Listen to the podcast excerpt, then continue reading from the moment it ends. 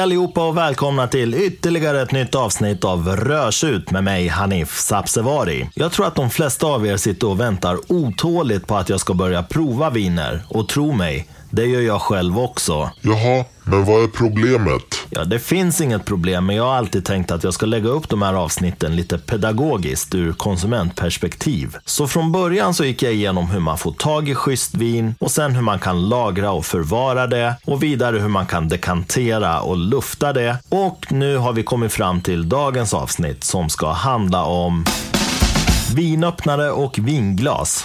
Egentligen borde väl det här avsnittet komma innan avsnittet som handlar om luftning. Man öppnar ju vinet innan man luftar det. Från början hade jag tänkt att det här avsnittet bara ska handla om vinglas, men så kom jag på att man måste ju öppna flaskan också på något vis innan man häller upp vinet. Ehm, Du skojar. Samtidigt vore det kanske lite overkill att ägna ett helt avsnitt åt vinglas och ett avsnitt åt vinöppnare. Tror du det? ja, så kul är det ju inte. Så jag tänkte så här, vi slår ihop de här två ämnena och så gör vi ett späckat avsnitt om både vinglas och vinöppnare. Nu kör vi! Om vi börjar med vinöppnare så är det precis som vanligt med alla tillbehör till vin. Det finns hur många varianter som helst när man börjar kolla runt. Det finns elektroniska och batteridrivna öppnare som kräver väldigt lite ansträngning. Man sätter helt enkelt flaskan under vinöppnaren och sen trycker man på en knapp och då förs korkskruven ner i korken och drar upp den automatiskt. Annars finns IKEA-varianten för bara 20 spänn. Här skruvar man ner korkskruven i korken och ju längre ner man skruvar korken desto högre upp åker två hävarmar på sidorna. Och när man har skruvat ner korkskruven Tillräckligt mycket så drar man ner hävarmarna så att korken hissas uppåt och så drar man ut den. För vanare användare så finns den klassiska kyparkorkskruven. Den påminner lite om en schweizisk armékniv och är till för vinkonsumenter som älskar att skruva och dra i korkar. Jag kan varmt rekommendera att man införskaffar en sån variant. Inte bara för att det känns som om man har väldigt god kontroll när man ska dra ut en kork, utan även av praktiska skäl. Kyparkorkskruven tar nämligen upp väldigt lite utrymme.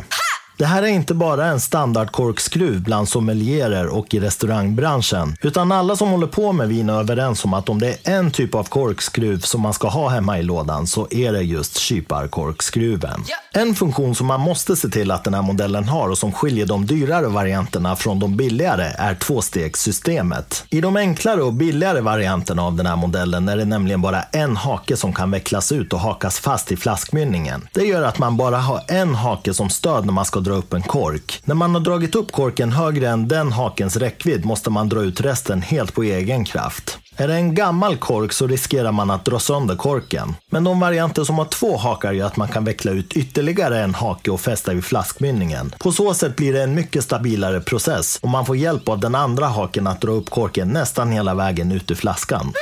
Det finns också numera en typ av öppnare där man vakuumpumpar ut korken ur flaskan. Men det här är inte en modell som jag själv har testat och därför vill jag inte heller rekommendera den.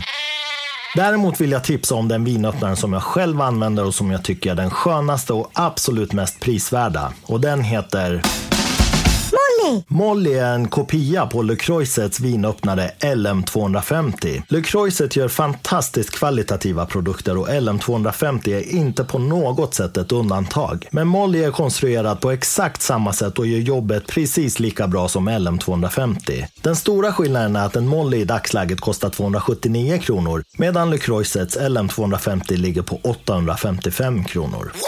Det finns produktkategorier där märkesvarorna håller betydligt högre kvalitet än kopiorna. Det här är inte ett sånt fall. Molly är nämligen inte bara mer än hälften så dyr som en LM250. Man får dessutom med en extra korkskruv och en folieskärare. Med tiden kommer nämligen korkskruven att bli slö och man behöver byta ut den. En sån skruv kostar i dagsläget 249 kronor. Det vill säga nästan lika mycket som en Molly, en folieskärare och en extra skruv.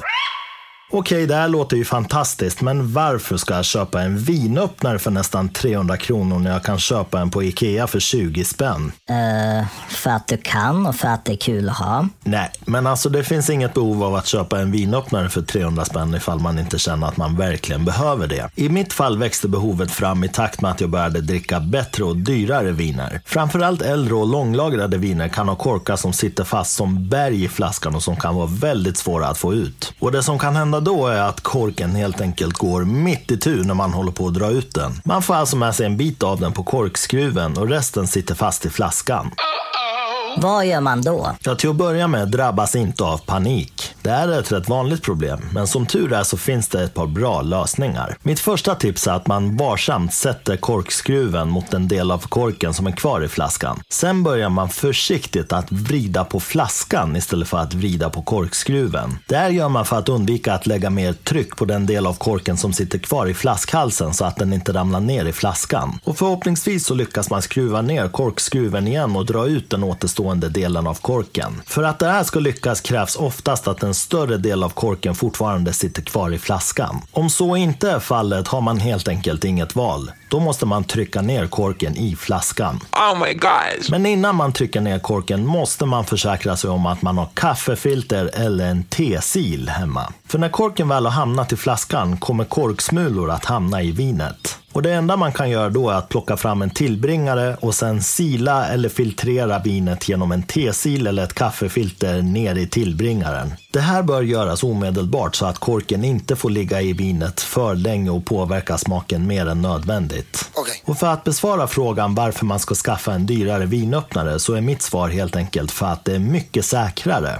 Jag kan inte statistiskt bevisa att det är så, men jag själv upplever att jag har mycket mindre bekymmer med korkarna sedan jag skaffade en Molly. Själva konstruktionen är uppdelad i två delar. Dels är det en greppdel som ser ut som en tång och dels är det en hävarm som styr den korkskruv som förs ner i flaskan när man drar i den. Så i princip består själva öppningsproceduren av tre steg. Först skär man bort folien med folieskäraren. Sen placerar man flaskan under öppnaren så att korkskruven hamnar i mitten av korken. Sen ser man till att flaskan sitter ordentligt fast i tånggreppet och så drar man hävarmen försiktigt men stadigt i en 180 graders rörelse så att korkskruven förs ner i korken. och därefter för man tillbaka hävarmen i en motsatt 180 graders rörelse så att man får med sig korken upp ur flaskan. Hela den proceduren tar inte mer än några sekunder. Eh, det där var ju typ 10 steg.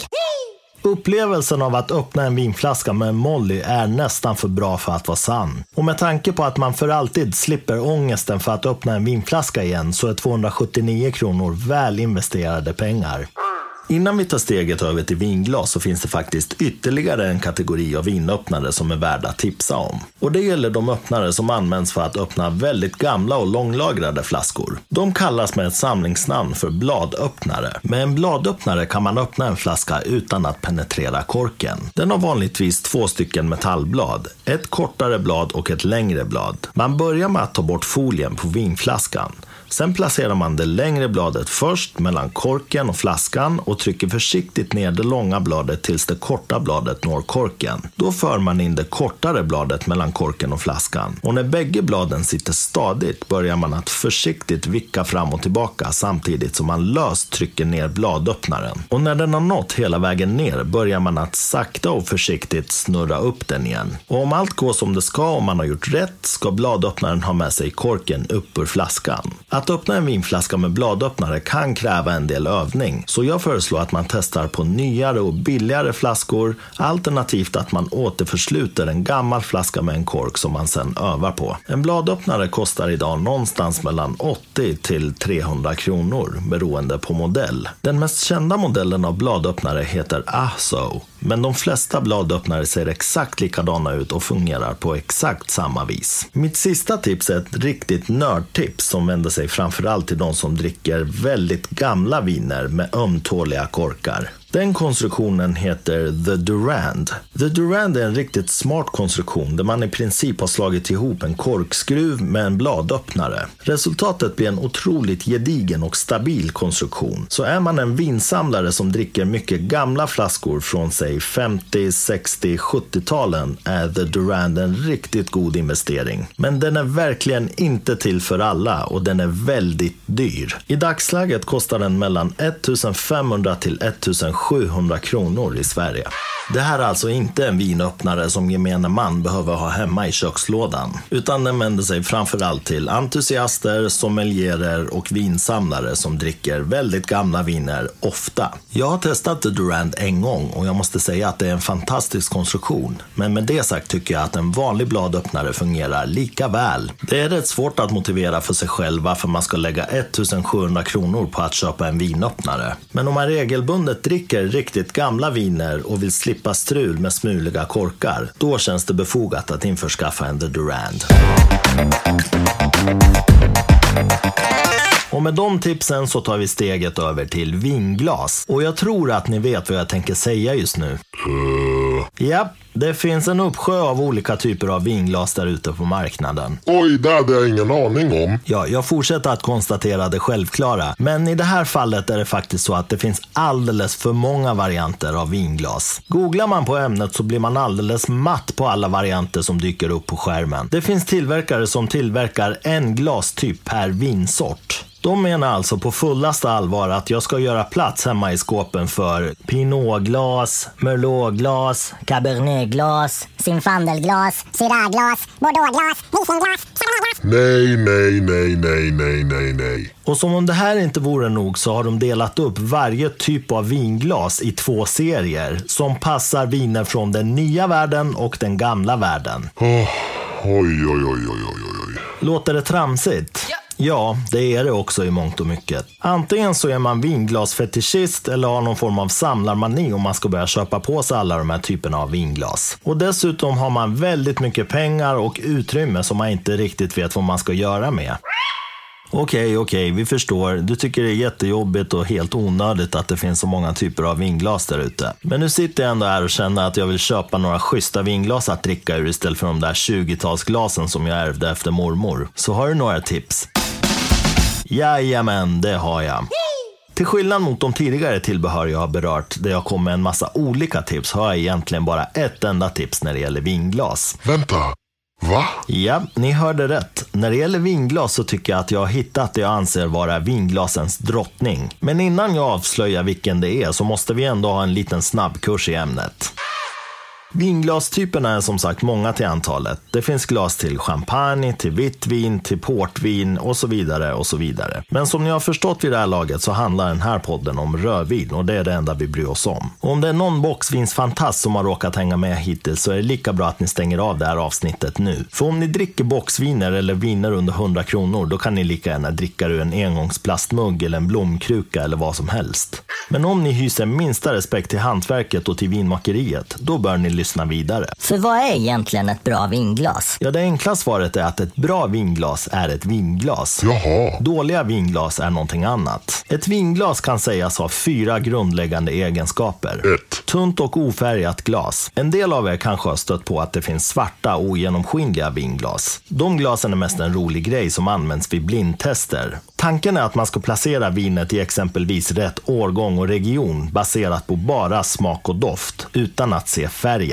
Ett roligt och lite elakt experiment som man kan utsätta folk för med hjälp av svarta vinglas är ifall de känner skillnad mellan vita och röda viner. Rör det sig om någorlunda liknande viner när det gäller tillverkningsprocess, lagring och koncentration, ja då kan det bli svårt till och med för den mest inbitna vinexperten att känna skillnad. Men om vi ska återgå till ämnet bör alltså ett vinglas vara av tunt och genomskinligt glas. Tunnheten beror inte bara på att det blir en angenämare upplevelse att dricka vinet. Det kan också vara till stor hjälp om man serveras ett vin som är för kallt. Det kan också vara så att man sitter utomhus och dricker ett vin som börjar bli för kallt på grund av vädret. I bägge de fallen är det till stor fördel om man har ett vinglas som är gjort av tunt glas. Då kan man nämligen enkelt värma upp vinet genom att hålla kupan underifrån mellan sina handflator. Tunna glas har även stor inverkan på själva smakupplevelsen. Känslan är att man kommer mycket närmare vinet än när man dricker det i ett tjockt glas. 2.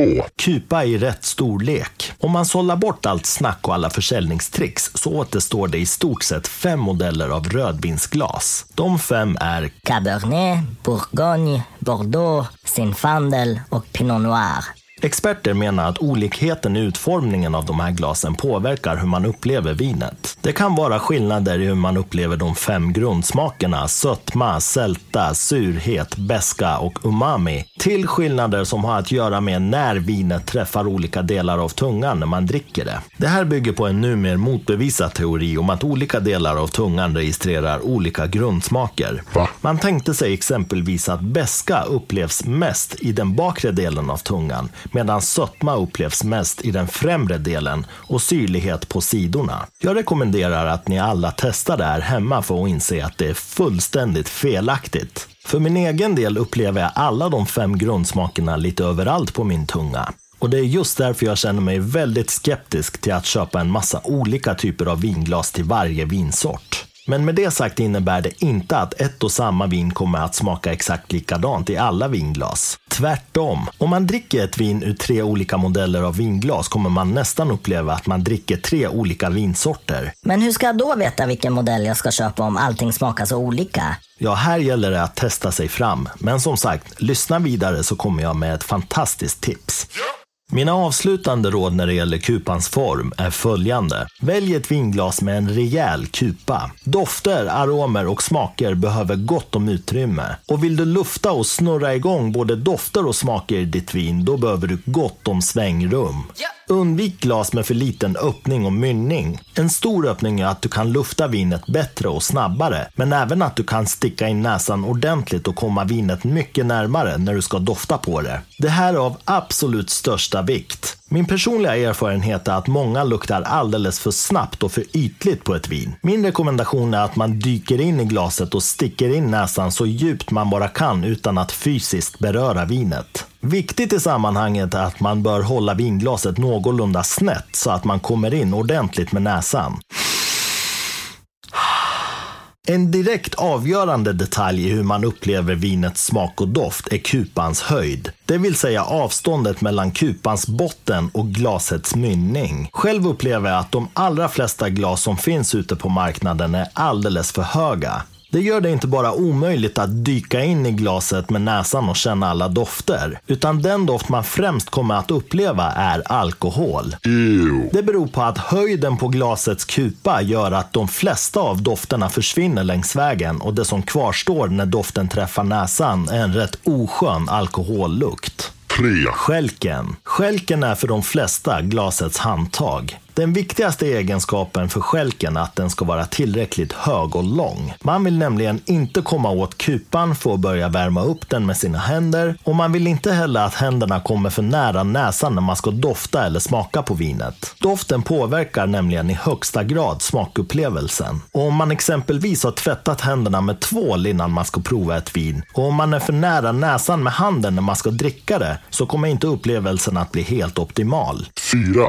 Fot. Den viktigaste egenskapen för vinglasets fot är att den är bred och stor nog till att stå stabilt. Men det är också väldigt viktigt för folk som vill se ut som riktiga vinsnobbar när de dricker vin. De har sett på tv och på Youtube att alla prätt och vinsnobbar aldrig håller i skälken utan de håller i foten. Och så snurrar de vätskan i glaset frenetiskt för kung och fosterland hela tiden. Oh my god. Själv tycker jag inte bara man ser urbota fånig ut när man står där och håller i foten på sitt vinglas och snurrar i luften. Det är också förbannat opraktiskt. Jag vet inte hur många olyckor jag har bevittnat när folk har tappat dyra vinglas i golvet för att de ska stå där och se ut som någon töntig fransk vinkonnässör. Åh. Så mitt tips är helt enkelt håll i den nedre delen av skälken på glaset och drick och var glad så kommer allt gå bra. Okej, men kan du sluta dra ut på det här och bara berätta vilket vinglas vi ska köpa nu?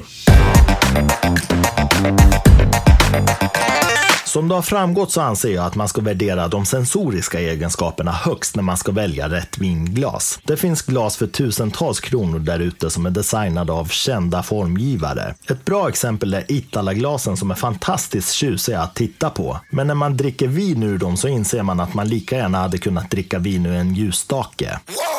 Den kanske mest kända tillverkaren av vinglas heter Riedel. De har många års erfarenhet inom området och har alla typer av glas till alla typer av dryck. Min erfarenhet är att många väljer Riedelglas för att de har hört talas om märket och för att de helt enkelt förknippar märket med vinglas. De köper förmodligen Riedel av samma skäl som folk köper Volvo. Det känns stabilt och tryggt. Jaha, men vad är problemet då? Jag har framförallt två stora problem med ridelglas och bägge gäller kuporna. Dels är de för höga och dels är de för smala. Det här gör att i konkurrens med det vinglaset jag tänker tipsa om så går väldigt mycket aromer och dofter förlorade. Ja, men snälla kan du bara säga nu vad vi ska köpa för någonting? Ja, jag ska inte dra ut på det mer. Efter alla års vinsörplande och jakten efter det perfekta vinglaset har jag äntligen funnit det glaset som fullständigt sopar banan med allt motstånd. Det här glaset är en fröjd att titta på, hålla i och dricka ur. Formerna är mjuka och sensuella och kupans form och storlek kunde inte ha varit mer optimal. Jag anser att det här glaset är det ultimata glaset för att dricka egentligen vad som helst i. Själv har jag använt det till att dricka rött vin, vitt vin, rosévin, whisky, tequila, saft, vatten, läsk, ja egentligen vad som helst som går att dricka. För allting smakar bara fullständigt magiskt. Nej, jag är inte sponsrad och har inte fått betalt för att göra reklam för det här glaset. Men det glaset som jag utnämner till vinglasens drottning och det enda glaset som man egentligen behöver ha hemma i skåpet är Orrefors Difference More Mature 63 centiliter. Jag kan inte nog rekommendera det här glaset. Jag har vid flera tillfällen kunnat jämföra det med många andra glas från både Riedel och andra tillverkare. Ingen annan är i närheten. I det här mästerverket designat av Erika Lagerbielke tillåts vinet att andas samtidigt som hela buketten stannar kvar i glaset. Och det spelar faktiskt ingen roll om man dricker unga viner eller äldre lagrade viner. Det spelar inte heller någon roll om man dricker alkoholrika viner eller lättare viner. Alla druvtyper visar upp sina absolut bästa sidor. Vad bra! Och när man stoppar ner näsan i kupan så är det precis som att man dyker rakt ner i själva lagringen. Och då gör det detsamma om man dricker en lätt dolcetto eller pinot noir eller om man dricker en LD Musti Amarone. Så länge själva vinet är välgjort och håller hög nivå kommer det här glaset se till att smaklökarna dansar och ler. Japp. Tror ni mig inte och tycker ni att det låter för bra för att vara sant, så köp bara ett glas och testa själva. Jag garanterar att ni inte kommer att bli besvikna. Och med de orden så avslutar vi dagens avsnitt som har handlat om vinöppnare och vinglas. Besök gärna mitt Instagramkonto rotjut och hör mer än gärna av er om ni har frågor, funderingar, tips eller klagomål på rodtjutpodd@gmail.com. Till nästa gång önskar jag er alla fantastiska vinupplevelser och glöm nu inte, ett glas schysst vin slår alla bag-in-boxar i världen.